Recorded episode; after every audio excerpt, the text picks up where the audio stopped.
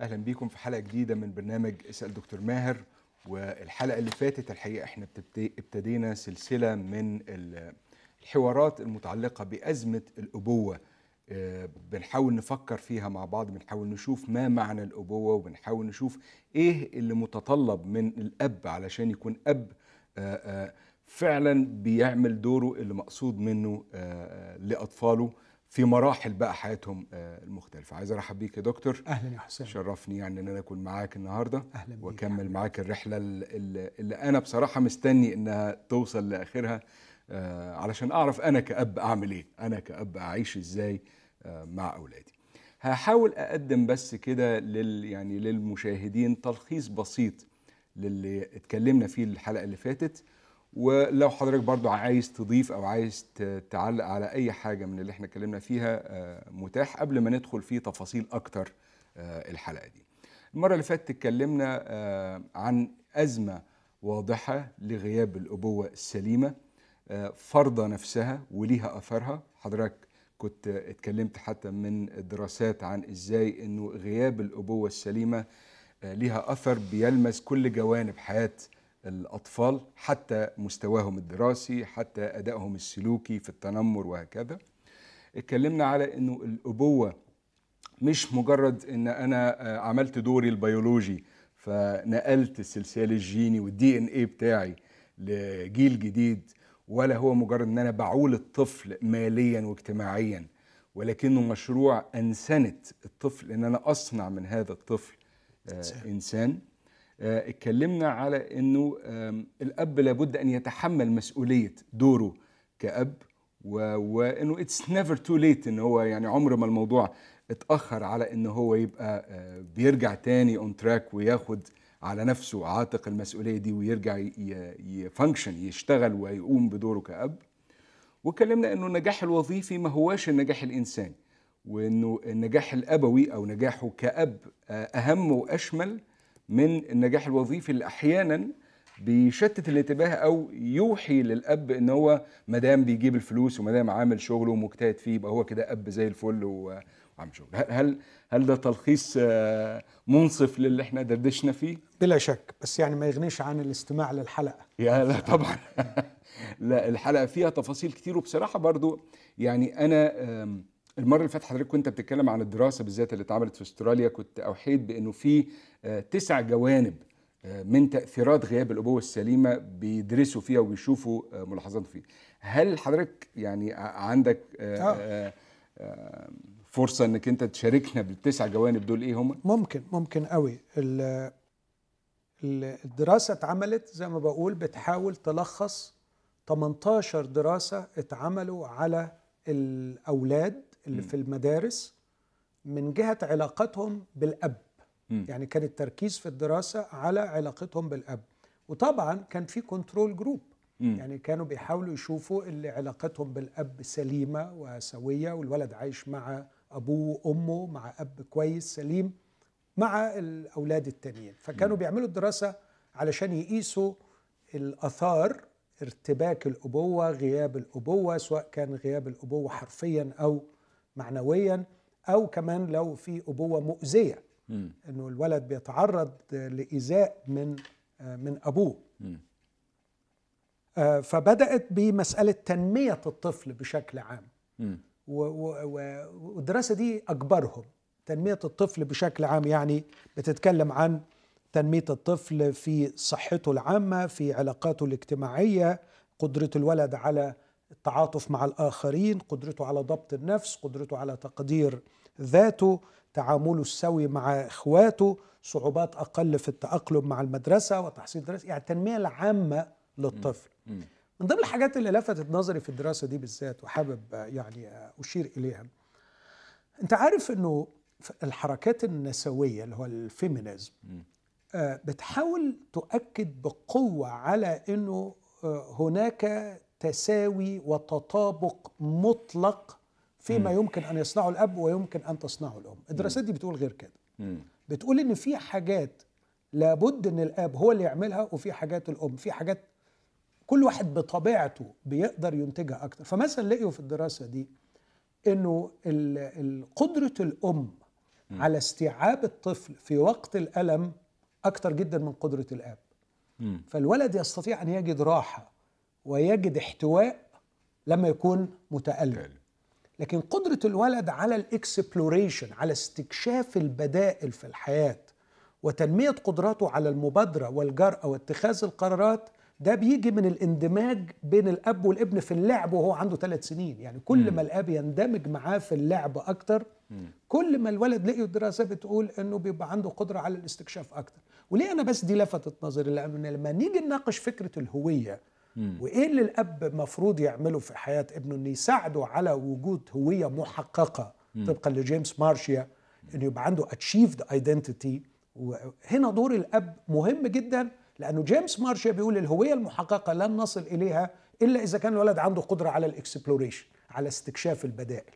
فبوري لك بس حاجات صغيرة في البداية إنه في حاجات الأم اللي بتعملها وفي حاجات الأب بيعملها فلا بد إنه يعني يكونوا الاثنين متواجدين وانسحاب الأب لن تعوضه الأم.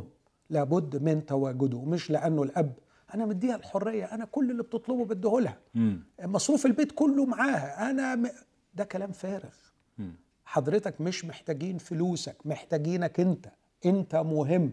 إذا كنت أنت مش مؤمن إن أنت عندك شيء تبثه وتدفقه في هؤلاء الأطفال فأنت عندك صغر نفس أنت مش شايف نفسك إنك تملك شيء. المفروض إنك تكون نميت شيء في داخلك تشعر إن أولادك محتاجينه. يا أخي دراسة أخرى مش في الدراسة دي بس دراسة أخرى دي لفتت نظري بشدة. إن الأب اللي بيلعب مع طفله اللي عمره شهرين وثلاثة وأربعة وبيحضنه كتير ال breast feeding الواد ده بيرضع أحسن. يعني يرضع من أمه أفضل لو اتحضن من أبوه أكتر. مم. ده يوري لك إزاي الترتيب الإلهي للأسرة إنها وحدة واحدة وأن الأب لديه شيء كبير يدفقه في نفسية الأولاد. فده آه، يعني أول مجال اتعملت فيه الدراسات هو تنمية الطفل بشكل عام. في دراسة بقى متخصصة تاني اشتغلت بس على المهارات الاجتماعية والعلاقات. ممكن نحكي فيها كتير قوي. مم. ال social skills بتاعت الولد. إزاي يعرف يعبر عن رأيه؟ إزاي يعرف يعمل علاقة؟ إزاي يحترم حدود الآخرين؟ إزاي يعرف حدوده هو؟ مهارات اجتماعية. إمتى يتكلم؟ إمتى يسكت؟ آه ال- الأمر الثالث الدراسة ثالثه اشتغلت بس على الصحة العقلية. وتقدير الذات ال mental health. وال self esteem قد إيه بيتعرضوا لأمراض نفسية اللي حرموا من الآباء؟ قد إيه بيدخلوا في فوبيا وقلق واكتئاب و personality disorders وقد إيه بيكونوا لا more healthy يعني أصحاء أكتر وكمان بالذات في حتة ال self esteem اللي هو تقدير الذات. التدخين دراسه رابعة التدخين وتناول الكحوليات وتعاطي المخدرات. ممكن أقول لك نسب مرعبة يعني يعني نسب في كذا دراسة. يعني أنا الدراسة دي اللي بقول لك عليها دي من 2013 لو قلت لك النسب بتاعة المخدرات مخيفة يعني سواء من آه، أياميها أو أو دلوقتي يعني آه، بص يقول لك إيه في التدخين وتعاطي. تركز أغلبية الأدلة على تأثير الأبوين والأجواء العامة للبيت على نسبة وحجم خطوره تورط الأطفال والمراهقين في تعاطي المخدرات. لقد زادت الدراسات التي تركز بشكل خاص على أهمية دور الأب في الوقاية من التدخين وتناول الكحوليات في سن مبكر. وبالفعل لقد أشارت بعض الأبحاث الخاصة بالآباء أن تأثيرهم على تناول الأبناء للكحوليات أو تعاطيهم للمخدرات قد يكون تاثيرا أوضح وأقوى من تأثير الأمهات.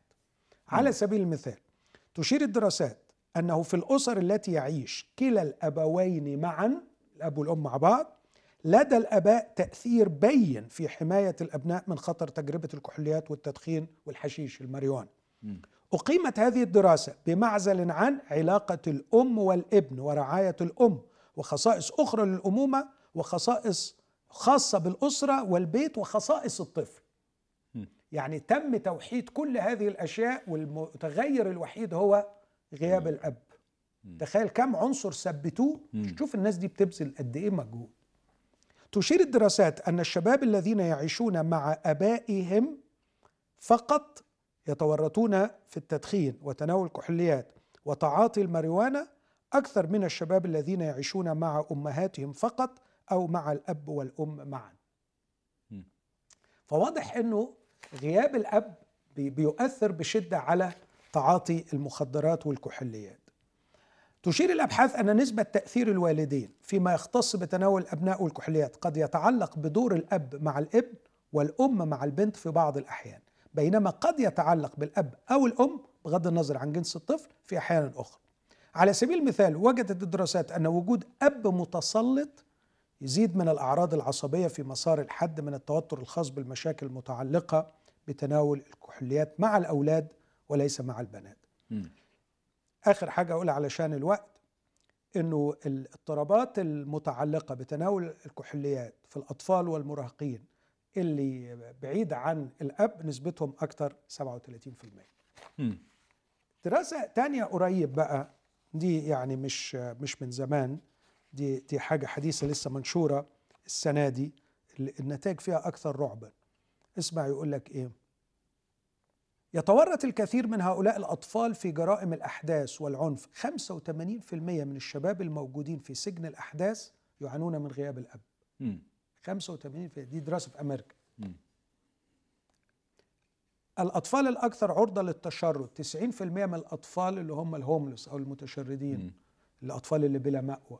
مم. حباب الواحد بيقطعوا قلبه لما يبقى معدي في الشارع ويتفرج على الولاد دول. آه، يعانوا من غياب الأب. الأطفال اللي أكثر عرضة للاستغلال والإساءة الجسدية والجنسية أكثر احتمالية 100 مرة لإيذاء مميت. يعني إنه يتعرض لأذى يموته 100 ضعف لما يكون أبوه مش موجود.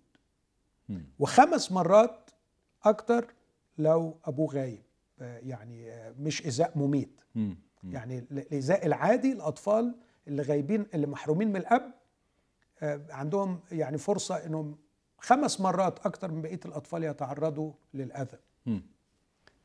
طبعا ده شيء مؤلم للغاية وبيحط عبء كبير قوي على الأم ربنا يكون في عونها علشان تقدر تدرب الولاد وتحاول تساعدهم إنهم يحموا أنفسهم وما يتعرضوش للأذى. on. المجال اللي بعد كده أنا قلت لك الرابع هو التدخين، الخامس التفاعل المدرسي والتحصيل الدراسي. مم. علاقة قوية جدا بين وجود البوند أو ال- المواجدة وال- والالتصاق ال- ال- بين الأب والابن وقدرة الولد على مزيد من التحصيل الدراسي. التنمر. وزي ما قلت لك الحلقة اللي فاتت إنه سواء الولد بيتنمر أو معرض أكتر. للتنمر. السلوكيات الجنسية لدى المراهقين وجود الأب بيحمي منها. ثمانية السلوكيات المنحرفة الإجرامية تسعة زيادة الوزن والسمنة والنشاط البدني والإميونيتي مناعة المناعة مم. تخيل كل دي مجالات بيتعمل عليها دراسات علشان يبينوا قد إيه دور الأب إيجابي في نمو الطفل في هذه النواحي. فالموضوع بس مش فكرة إن هو طالع مؤدب. لا. يعني فالأب شغلته بس إن هو يعلم الولد إزاي آه، ما يشتمش ولا إزاي ما ما, ما يبقاش مستهتر في التعامل مع قطه. لا ده الواضح الموضوع ليه ليه جوانب آه، مخيفة. أنسنة الطفل. مم. أنا أنا بعمل إنسان. يعني لو خدت التسع مجالات دول أنا بتكلم عنه اجتماعيا ودراسيا وصحة عقلية وسلامة نفسية وبتكلم عنه إنه بيحمي روحه وعنده تقدير للذات. بتكلم عنه من جهة وزنه وجسمه. بتكلم عنه من كإنسان بشكل عام.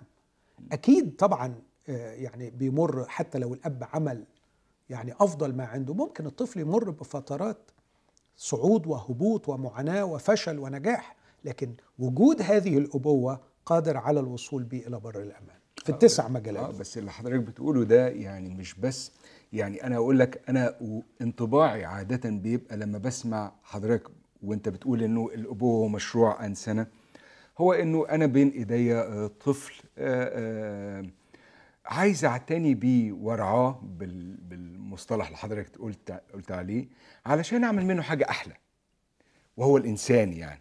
لكن يبدو إن الموضوع آه، مش بس كده لا هو أنا لو ما عملتش كده بحسب اللي حضرتك كنت لسه بتتكلم عنه ده أنا كأني يا إما بحوله لوحش يا إما بقتله. يعني يعني فالموضوع مش فكرة إن أنا آه، عايز أتفضل عليه وأزوده كمان درجة أو أجمله كمان آه، حتة.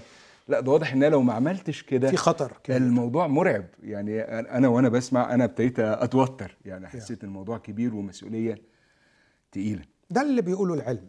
يعني نعم. يعني واللي بيقوله الواقع اللي بشوفه عايز بس أضيف حتة ما أعرفش ليه افتكرتها وأنت بتتكلم يا حسام إنه مرات حتى إنه مش الغرض بس إن أنا عايز أنجحه علشان يبقى كويس ويشوف مصلحته مرات كتيرة بيبقى غرض الآباء في إنجاح الأولاد هو صورتهم المجتمعية هم مم. واحتياجاتهم النفسية إن هو عمل اللي عليه وعلى وده بيحولهم إلى يعني عارف حمل وعبء نفسي مرعب على الأولاد. مم. فبيبقى ماشي ورا الولد بالكرباج وبيضغط عليه ضغط عنيف. مش لأنه عايز يأنسنه وعايز يكبره وعايز ينميه. يعني يا يا يعني يا, يا قليل الأدب يا مكسور الرقبة أنا عايز أرضى عن نفسي عايز أحس إن أنا عملت. اللي عليا فما تقرفنيش. عشان ما يجيليش واحد زي ماهر صمويل في البرنامج يقول الأبوة الأبوة وأنا أحس إن أنا مقصر فيلا اعمل اللي عليك علشان أنا ما احسش. ان أنا مقصر فمرات ينطلق الاباء إلى محاولة تطبيق قواعد اخلاقية ومجتمعية وتعلموها من طنط ومن عمتي ومن خالتي ومن ومن على الاولاد لمجرد الحفاظ على الصورة المجتمعية. أو على لأجل إراحة الضمير إن إحنا عملنا اللي علينا وما نحسش بفشلنا. يعني أتذكر طفل مفتوحة راسه هنا أمه خبطته في الترابيزة علشان مش بيعمل الواجب فتحت له راسه. و و و ولما تحلل نفسية الأم هي مش بتكره ابنها. لكن شعور بالتوتر الرهيب إن هي لو الولد ده ما نجحش في الامتحان هي مش عاملة اللي عليها. فهي في الآخر بتذاكر له مش عشان هو في الآخر لكن علشان خاطر هي تستريح من عبء الشعور بالذنب. وأتذكر ولد تاني أبوه وصاني عليه. فيعني لما بدأت أقرب من الولد لقيت شخصية مرعبة. كم ال ال الأمور البشعة اللي الولد ده ارتكبها يعني حتى لما لما يروح يزني وينط من عمارة لعمارة حاجات مخيفة ومرعبة. وأبوه راجل عضو في كنيسة موقر يعني. فالولد كان بيعمل حركة كانت بتلفت نظري إنه يتعمد يجي قدام باب الكنيسة والناس طالعة من الكنيسة ويدخن قدام باب الكنيسة فبقول له إيه يا حبيبي بتعمل كده؟ قال لي عشان عايز أحرق قلبه. لأنه ياما اتضربت واتربطت في رجل السرير واتضربت والكلمة اللي كنت بسمعها هوري وشي للكنيسة إزاي. فالأب بيؤدب مش من منطلق الحب والرغبة في أنسنة هذا الكائن لكن الأب عنده صورة مجتمعية دينية يريد أن يحافظ عليها أو الأم اللي عايزة تريح ضميرها إنها عملت اللي عليها. والولاد بيلقطوا الرسائل دي وبيفهموا إن نصايحك ليا والتعليمات اللي أنت بتديها يعني وال- والضغط اللي عمال تضغطه ده مش عشاني. ده عشان نفسك.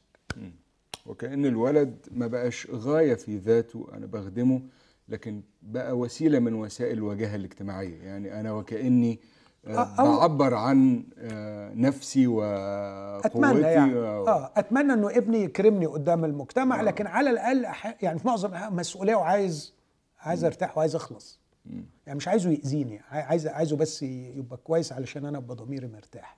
مش مش رغبة حقيقية باتضاع و و و و ودعاء و وعايز أقول اشعار الله باحتياجنا إليه إنه يعطينا الحكمة ويلهمنا الحكمة علشان نطلع إنسان. يعني حاجة أخيرة قبل ما ندخل في آه، ما يتعلق بنظرية التعلق يعني لكن وحضرتك بتتكلم يعني ورد قدامي قوي آه، الروح التنافسية اللي ما بين آباء وأمهات كتير النهاردة آه، في إظهار مدى اعتنائهم بأولادهم.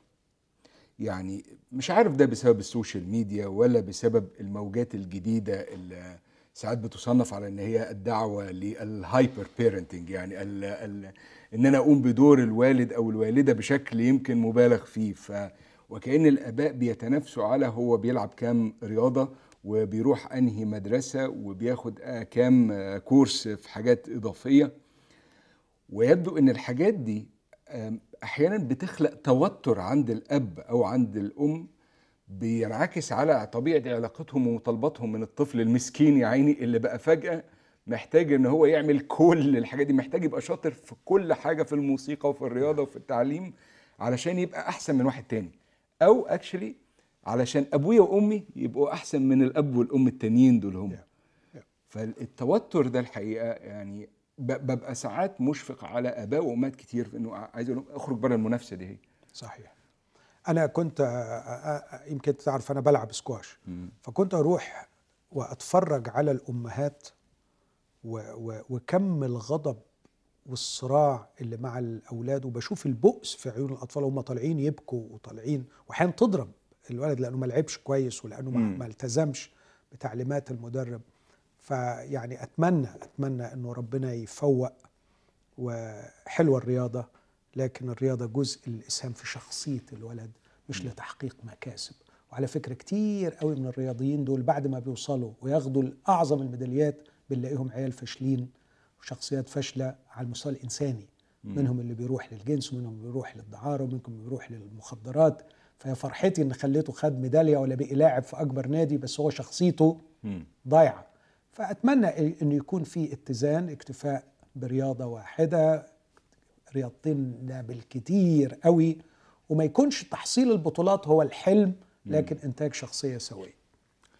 شكرا جدا يا دكتور. الحلقة اللي فاتت حضرتك أم، أثرت كده يعني اديت ولو مقدمة بسيطة عن نظرية التعلق وقلت انه كأن في أربع عوامل بيعبروا عن التعلق السليم ما بين ال ال ال authority figure أو ال ال الأب أو ال الرمز السلطوي في في العيلة وبين الطفل. فلو أنا فاكر صح حضرتك اتكلمت عن حب القرب إزاي إنه الأب والابن يبقى وكأن في شيء بيجذب آه، ما بينهم. آه، اتكلمت عن المرفأ الآمن في وقت الخطر. اتكلمت عن آه، قاعدة انطلاق لاستكشاف العالم وعن ألم الفراق. أنا بصراحة ميال لأن يعني آه، آخد الحاجات دي كده بالراحة شوية وأفهم دواخلها وتفاصيلها. يعني إيه حب القرب؟ إيه المقصود وإيه الدور الأبوي فيه؟ أعمله إزاي؟ اسمح لي بس آه، لأنه المقدمة اللي أنت قدمت بيها لل- للنظرية دي محتاجة مني إيضاحات سريعة. Okay.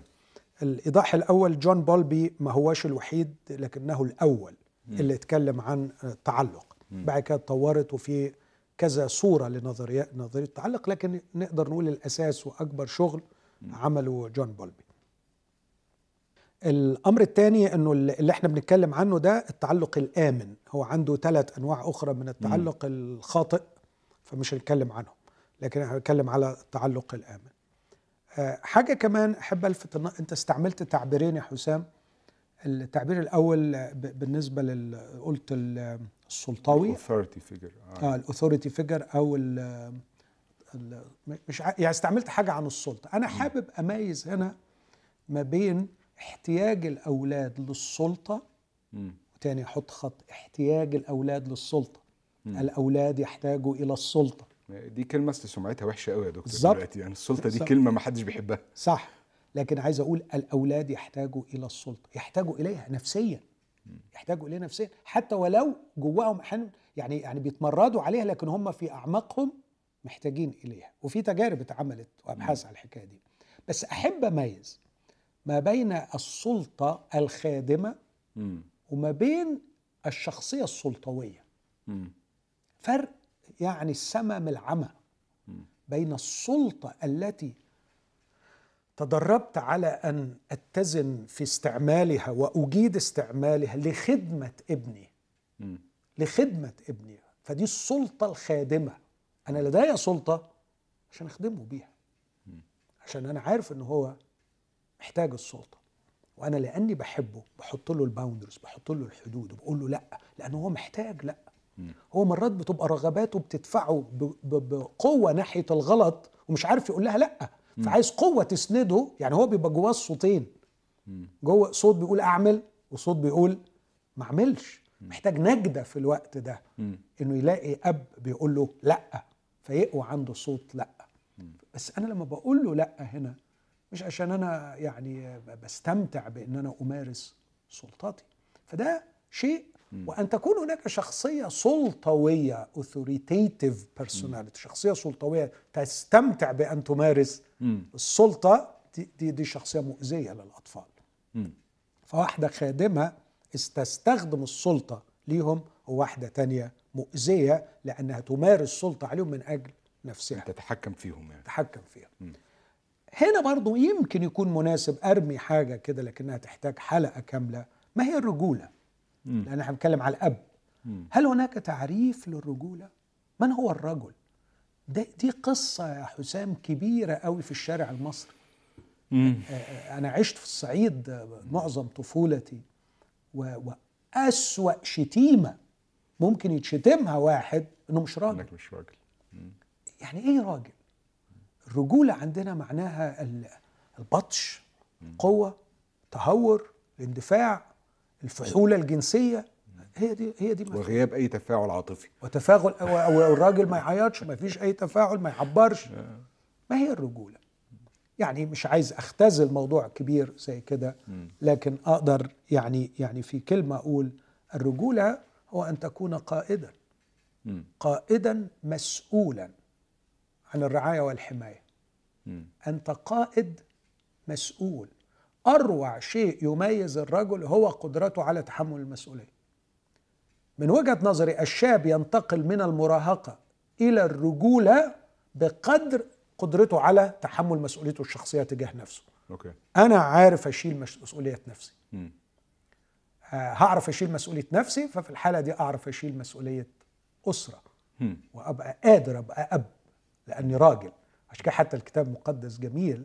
الكتاب المقدس في كل كلامه عن الزواج يتكلم عن شاب يتزوج بشاب. افرح بامرأة شبابك. لكن لما جه يحط النص المشرع للزواج ما بيقولش يترك الشاب. اترك الرجل. يترك الرجل. م. أنت ما ينفعش تتجوز إلا إذا كنت راجل.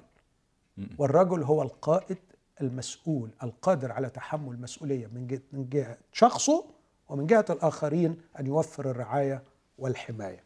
فده معنى الرجولة القدرة على تحمل المسؤولية الشخصية والمسؤولية تجاه الآخرين اللي أنا مسؤول عن رعايتهم وحمايتهم.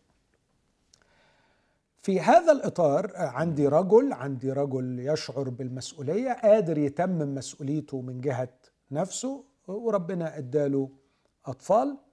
آه، ي- يبدأ بقى من الشهور الأولى م.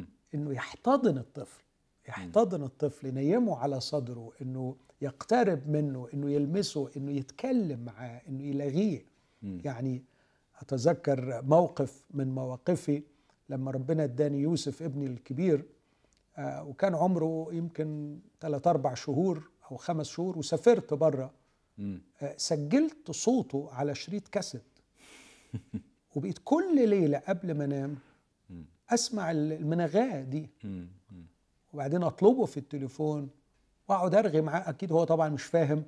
أي حاجة لكن to keep ال bond علشان يفضل أنا أفضل attached بيه أنا أفضل متعلق بيه ومرتبط بيه وهو يفضل كمان صوتي في ودانه. آه، طبعا الدنيا النهارده الكلام ده أنا أنا بكلمك على سنة 95 لكن دلوقتي الدنيا بقيت في أسهل. FaceTime face وفي time. كل الحاجات ينفع فما فيش تحصل. عذر للآباء إنه يفضل في اتصال مع الطفل even مع الوقت إذا كان هذا التواصل سوي بيبدأ يكبر شوية بعدين اللعب بقى. اللغة التي يفهم بها الطفل القرب والحب والرعاية هي لعب. لعب. فلا بد إنك تلعب مع كل أنواع ال- الألعاب اللي ممكن تكون متاحة في هذا الوقت. وبعدين الكلام الكلام معاه كلم معاه كلم معاه حتى لو مش فاهم. هو على فكرة معظم اللي انت بتقوله مش مش فاهمه لكن هو مبسوط ان انت قاعد معاه وبتتكلم معاه وبتشرح له حاجة. آه كنت مرات أحيانا آه، أحطه على رجلي وأقرأ له من الكتاب اللي أنا بقرأه. وهو بيهز راسه وهو مش فاهم أي حاجة طبعا. بس هو سعيد جدا إن بابا مهتم وعمال يقرأ له من الكتاب اللي أنا بقرأ منه. فتكوين البوند طبعا بعد كده بقى لما تبدأ المشاكل يتعرض ليها آه، إنه يقع وإنه يعيط وطريقة تعاملي معاه آه، مع الوقعة بتاعته مع الألم بتاعه. وبعدين بقى لما يدخل المدرسة و و و وأحكي معاه وأجبره إنه يحكي لي أجبره بمحبة وأصر على إنه يحكي لي اللي بيحصل معاه أدخل في عالمه. وهو يشعر ان أنا موجود في عالمه. وأجي تاني يوم أسأله عن الولد الفلاني وعن المدرسة الفلانية وعن الباص اللي راح فيه أعيش معه في عالمه. وكمان من الممكن إني أدخله أنا في عالمي إني أخده معايا مشوار يروح معايا مكان يقعد معايا وأنا مع أصحابي أحيانا. كل ده يكون ال- ال bond اللي بيني وبين ابني. فلو ابني آه، بولبي بيقول تعلق بي تعلق سوي Secure تعلق سليم. هيكون أول علامة من علامات هذا التعلق انه يحب قربي قربي ليس منفر له. قربي غذاء له. قربي طمأنينة له. فيحب بيسميها ال proximity maintenance إنه بالعكس هو هيحاول أن يحافظ على هذا القرب ويحميه لأنه مهم بالنسبة له. خد بالك بقى هنا بصورة غير مباشرة إيه، تيجي طاعة الأبوين. لأنه هو- عايز البروكسيميتي دي هو مش عايز يبعد عني.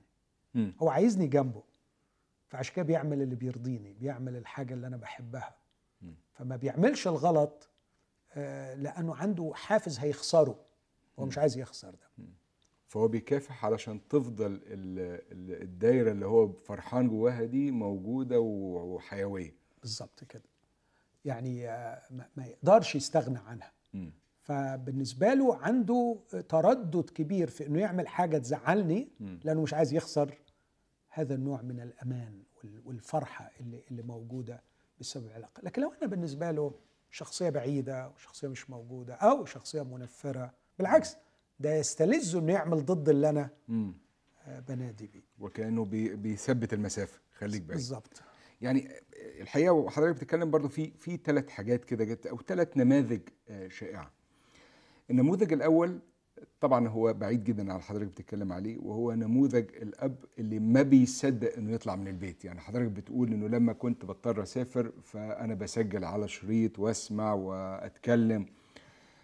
أغلب الآباء آه، بلاش أقول أغلب آباء كتير يعني آه، بالنسبة لها مجرد خروجها من عتبة البيت ده وكأنه تشريع لإنه أخيرا خلصت من الصريخ والعياط والوجع الدماغ و و ولو سافرت ده بقى يعني إيه دي آه، رزق من ربنا يعني إن أنا بقى بقت محلل في إن أنا أبعد وماليش دعوة باللي يحصل في البيت.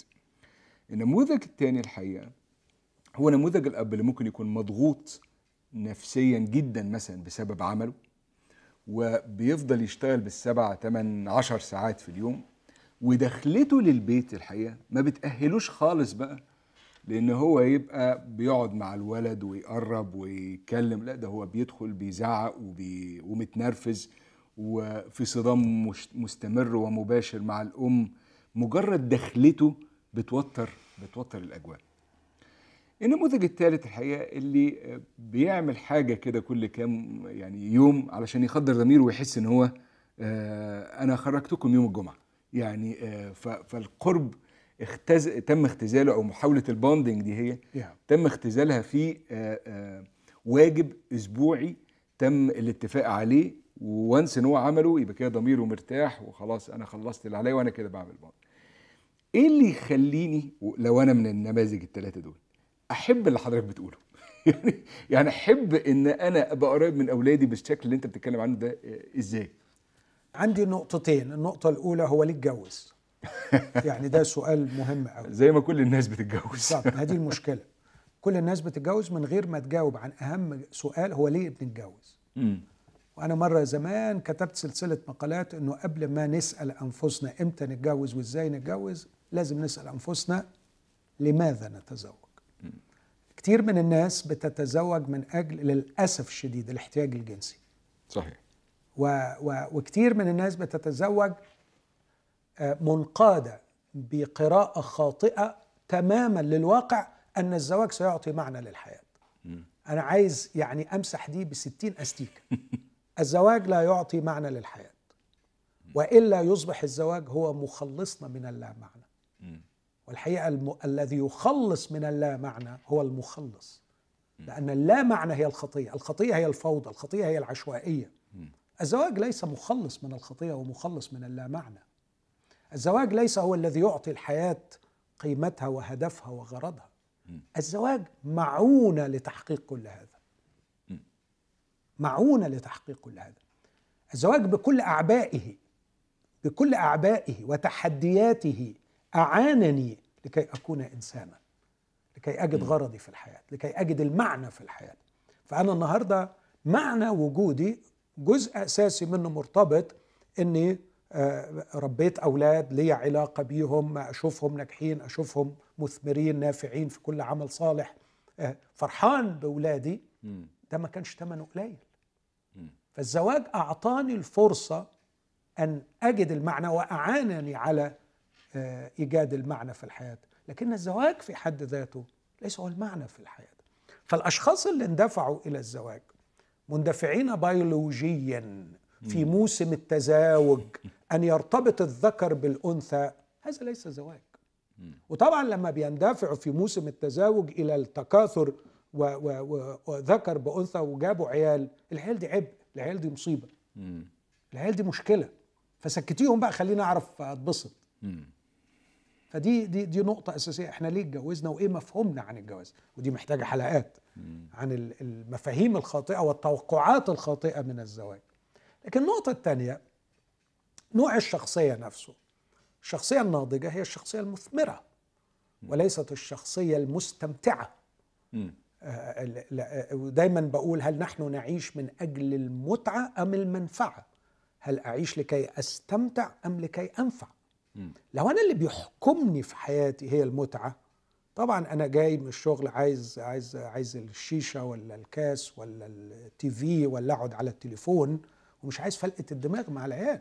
لكن لو لو المبدأ اللي بيحكمني إن قيمتي في الحياة ليس هي بقدر ما أستمتع لكن بقدر ما أنفع. أعتقد إنه أقدر الكل وأولى الكل بنفعهم أولادي فهبقى مشتاق إن أنا أعمل فيهم أي حاجة. أساعد واحد في دروس وأتكلم مع واحد أشوف مشاكله. و... وأكيد مرات بتبقى معاناتي في العمل معطل آه، لكن لا ينبغي أن تكون معطل على طول الخط. يعني ينبغي أن أنا أوازن إنه عليا مسؤولية تانية مش بس أشتغل لكن اربي هؤلاء الأولاد اللي أنا جبتهم للدنيا في آه، حاجة يمكن مش عارف ليها علاقة ب باللي حضرتك كنت بتتكلم عليه عن هو إحنا ليه اتجوزنا و- و- ومدى إدراكنا ووعينا ل- لروعة القصة دي أو لروعة ودور إن أنا أربي أولادي بالشغل على إنسانيتي أنا شخصيا وهكذا.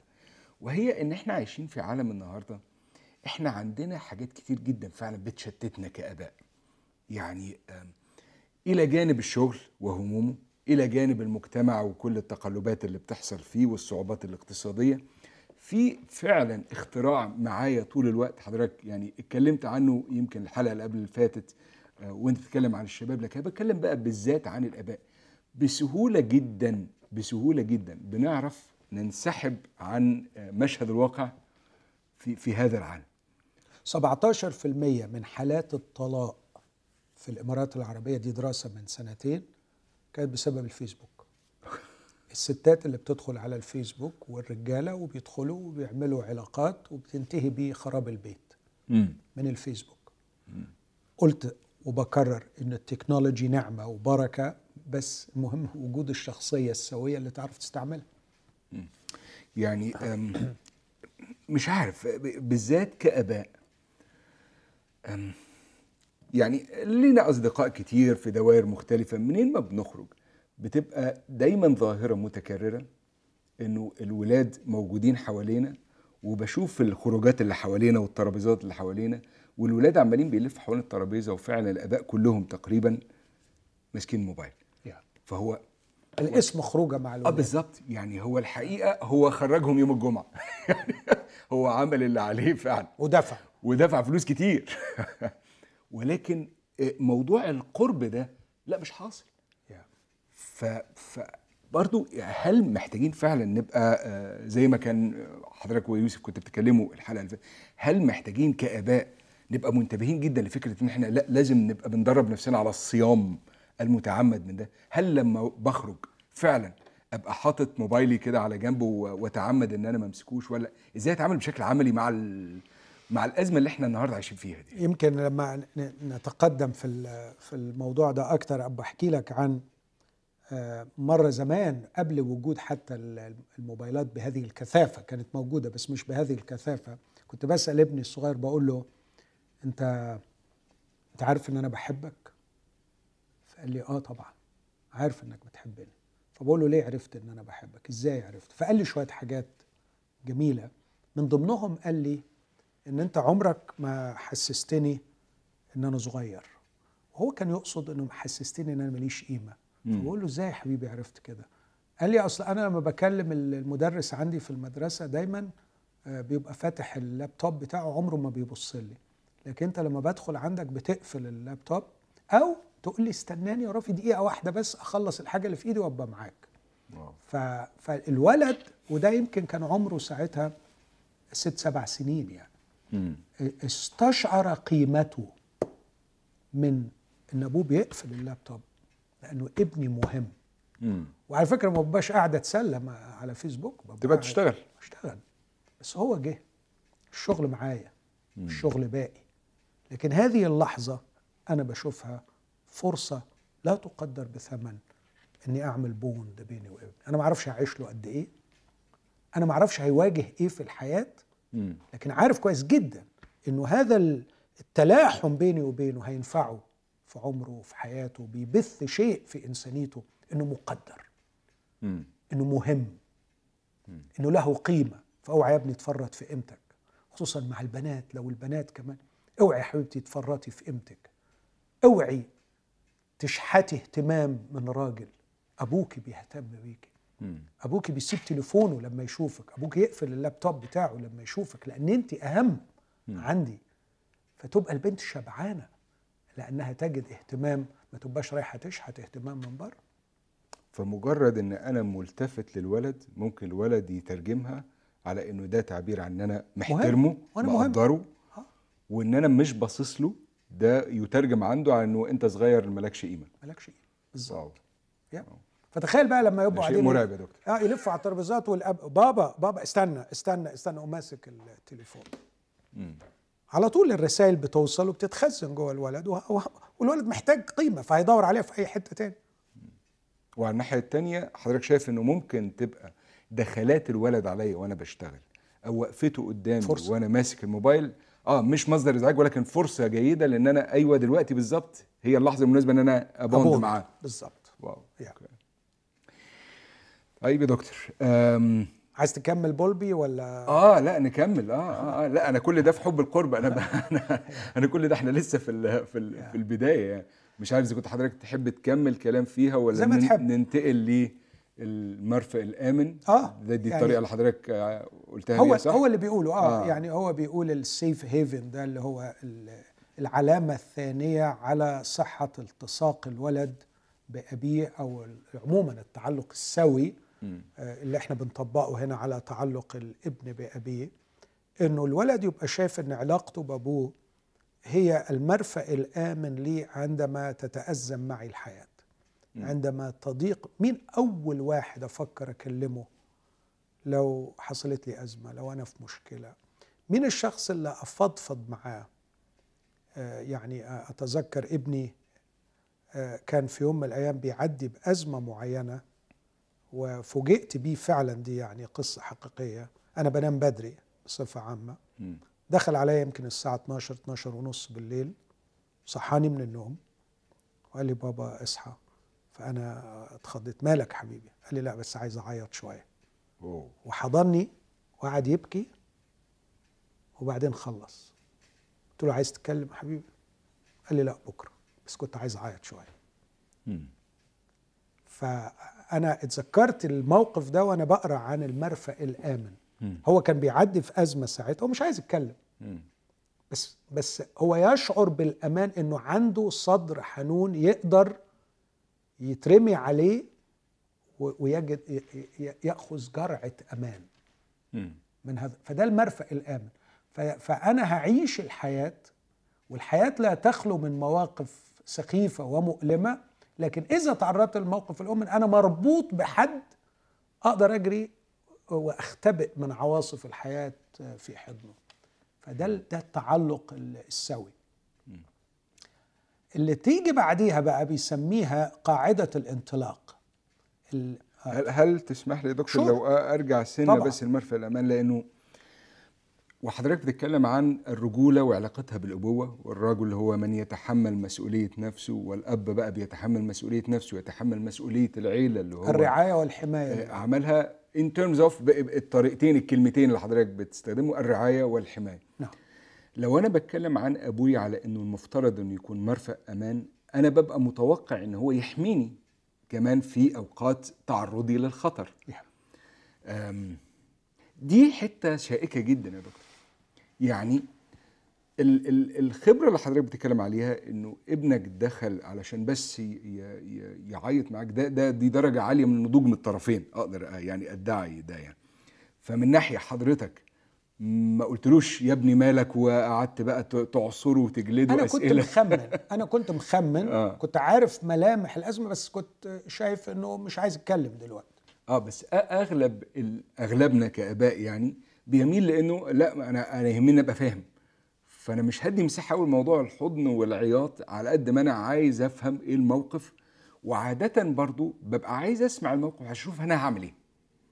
ما بيبقاش عادة أنا هعمل إيه آه، كنوع من أنواع إن أنا هحتضن ولا هحتوي. لا عايز أشوف إيه المصيبة السوداء اللي هو وقع فيها وأشوف إزاي هتصرف فيها. أو لو حد أذاه هعمل إيه وكذا. هل هو ده اللي مطلوب؟ يعني هل أنا لازم كأب أبقى ليا اكشن واضح في حياة ابني مش بس الحضن ولكن في آه، الواقع اللي هو متمرر فيه. ولو ما خدتش اكشن هناك فأنا مش هبقى المرفق الامن يعني هل هو جال حضرتك بناء على history تاريخ من التعاملات اللي هو شافك فيها بتتحمل مسؤوليته وبتدخل الانجاز أقوله الخناقة معاه وبتشيله فيها فهو مطمن لك وشايف إن أنت آمن إن هو يرجع لك في اوقات زي كده؟ أكيد. يعني ده في سن المراهقة. مم. الموقف ده في سن المراهقة ومراهقة يعني مثلا أنت بتتكلم في يعني 20 سنة 19 20 يعني في في نهاية سن المراهقة. فده بعد تاريخ طويل من الطفولة الآمنة من علاقة قوية آه، تكون فيها ثقة في الأب إنه إنه بابا بي بيحبني وبيحبني حب غير مشروط. مم. والحب الغير مشروط بمعنى إن أنا قابل ضعفاته وقابل أخطائه ومش هرفضه بسبب تقصيراته وضعفاته. ال- العلاقة اللي تكونت بسبب هذا النوع من التقدير والاحترام. ايفن له وهو طفل صغير. ال ال الشعور بالأمان لأنه في مرات كتيرة استنجد بيا في المدرسة ورحت له المدرسة عشان أحل له مشكلة إنه مرات تانية علمته إزاي يحل مشاكله إن أنا بحضنه كتير. ففي فترة الطفولة هناك يعني وسائل خاصة جدا لتنمية هذه ال- العلاقة أو هذا الاتاتشمنت. بناء عليه بتنشأ حالة من الثقة آه، بين الطرفين. فأنا لا أدعي إني ما كنتش فاهم. أنا أنا سايبه مم. بالليل اتكلمنا وعارف إن هو بيمر بأزمة معينة واديته رايي على قد ما أقدر ساعتها. وبعدين أنا خلاص دخلت نمت لكن كان عليه هو ياخد قرار. فلما خد القرار وموجوع من القرار جه بكى. بس كان عارف إنه المكان الوحيد اللي يقدر يبكي بأمن وشعور مش يستقل في عيني. أبيه لما يبكي هو حضن أبوه. ف فأنا مش بقول إنه مجرد بس أخليه يبكي في حضن من غير ما أكون اوريدي. بنيت علاقة قوية من إني إن أنا أروح أخلصه من مشكلته أنا مرة قلت الكلام ده في في وعظه من العظات وقلته أكتر من مرة. قلت لو معدي في الشارع ولقيت ابنك وأنا بتكلم هنا عن يعني عن تجربة ابنك واقع في في حفرة وحل ما تقعدش على على حرف الحفرة وتقعد تدي انستراكشنز تعليمات. مم. لا تعالى يمين لا اطلع شمال انزل طلع الواد. فهل هناك مواقف في حياة ابني يذكرها لي كأب؟ إني كنت منقذا أكثر من كوني معلما ودايما مرشد من بعيد. مرشد من بعيد. عمال أدي بس instructions تعليمات. آه، ال- الأبوة تعليم بالتكوين وليس بالتعليمات أو formation not information. تكوين وليس مجرد إعطاء تعليمات. تكوين ال- الإنسان وتكوين الشخصية من خلال اندماجي معاه بندمج معاه. مرات بقول التعبير ده أبقى معلم مش معلم.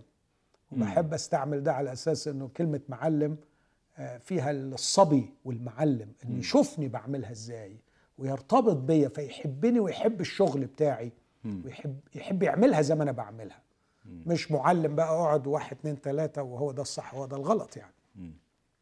فأكيد لازم يكون في طمأنينة إنه أنا نزلت للوحل بتاعه وان أنا دخلت للمشكلة بتاعته وان أنا آه، دربته إزاي يلعبها وإزاي يعملها وإزاي ينتصر في الموقف ده لغاية ما نوصل للمرحلة اللي فيها هذا النوع من الثقة إنه يجي يبكي من غير ما يشكي. فكأن يعني موضوع المعلم والصبر ده كأنك بتعلمه إزاي يبقى أب من وهو طفل صغير أوكي يعني أنت بت-. بتدربه على الشغلانة من الأول أنسنة الإنسان آه. أنسنة الإنسان مم. هو اترمى في حضني حتة لحمة. مم. كائن مسكين. Helpless. Helpless لا يعرف أن يفعل لنفسه شيئا. مم. ومطلوب مني أطلعه إنسان. اللي بيحصل إحنا بنسيبه للدنيا وبنسيبه للمدارس أو بنسيبه للكنيسة. ودي مش مؤسسات شغلتها تطلع ال- الولد إنسان. هو يعني أخطر شيء بصراحة يعني لما بقعد مع شباب مش قليلين الحقيقة والاقي ان هو بيلجأ مثلا للقعدة معايا لأن هو شاعر بعدم الامان مع أبوه وبيبقى أحيان كتيرة بيدور فيا مثلا على أب بديل. صحيح. ببقى شاعر إنه آه لأ ده أنت بيقعد معايا علشان يشتكي لي من أخطر حتة هو بيخاف فيها البيت. يس فاللي حضرتك بتتكلم عليه تقريبا عكس واقع أغلب الشباب النهارده إن هو بيبقى شاعر اكشلي بال بال بال بال بالتهديد المستمر في المساحة دي هي اللي بتجمع ما بينه وبين أبوه. فاللي حضرتك بتقوله لا ده هو المفترض إنه ده يبقى العكس بالكامل. ده العالم هو اللي خطر وهناك هو شاعر بالتهديد والمفروض إن هو يبقى بيأمن في حضن أبوه. وده اللي مطلوب يا حسام. يعني العالم خطر. على فكرة العالم خطر. أقول لك أقول لك إيه أكتر من كده. أقول العالم حتى في مؤسساته الدينية خطر. لابد أن يكون هناك مرفأ آمن. لابد أن يكون في مصدر أمان. وأنا يعني فعلا من خلال الحلقة دي بتضرع وأتوسل وأهيب وأناشد الأباء وأقول لهم أرجوكم أرجوكم أولادكم يحتاجون إليكم. أرجوكم. أرجوكم. أعظم شيء يمكن أن تفتخر به في يوم من الأيام هو أبوتك. أعظم شيء يفرح قلبك في يوم من الأيام إن أولادك يشهدوا عنك إنك كنت أب بمعنى الكلمة. هو ده اللي هتطلع بيه من الدنيا. إهمالك لتكوين مرفأ آمن في علاقتك بأبنائك دي جريمة لأنه لا يوجد في هذا العالم ولا في الكنيسة مرفأ آمن لأطفالك. إذا لم توفر أنت المرفأ الآمن لأولادك يعني يعني عايز أقول طب جبتهم للدنيا ليه؟ وبعدين آه، آه، آه، ال- الآباء بقى ال- المكبرين دماغهم وسايبينها على الأم. على فكرة الأب اللي مكبر دماغه سايبها على الأم امرأته مجروحة مكسورة تعاني. مم. لأنه يعني يعني ما هي عايشة مع واحد بيكبر دماغه فأكيد هي كمان مكسورة ومجروحة. إزاي هتقدر توفر لأولادها مرفأ آمن وهي نفسها مكسورة ومجروحة؟ هتقول لي طب وأنا مين ما أنا مجروح ومكسور؟ أقول لك يا أخي الله يكون في عونك. تعال لإلهك وحاول إنك حرفيا. يعني الله يكون في عونك. فعلا بالظبط. بس هو ما هي دي الرجولة؟ أنك القائد المسؤول. يعني تخيل لو قائدنا أو قائد البلاد أو رئيس البلاد قال أنتوا حملكم تقيل وأنا مش هقدر عليكم. خلاص سيبنا نتفلق نتحرق. فالقائد مسؤول. ليه رحت اتجوزت؟ ليه رحت عملت جدع واتجوزت؟ الزواج معناها أنك تعلن أنك رجل قادر على تحمل مسؤوليتك الشخصية ومسؤولية الحماية والرعاية لأطفال. فكمل شكرا جدا يا دكتور. أنا استمتعت جدا بالحلقة دي وبصراحة برضو مستني الحلقة اللي جاية. نكمل بقى الأربع حاجات بتوع نظرية التعلق زي ما قدمها بولبي. أتمنى تكملوا معانا في متابعتكم للسلسلة دي اللي بنتكلم فيها عن الأبوة. نشوفكم في الحلقات الجاية من برنامج إسأل دكتور ماهر.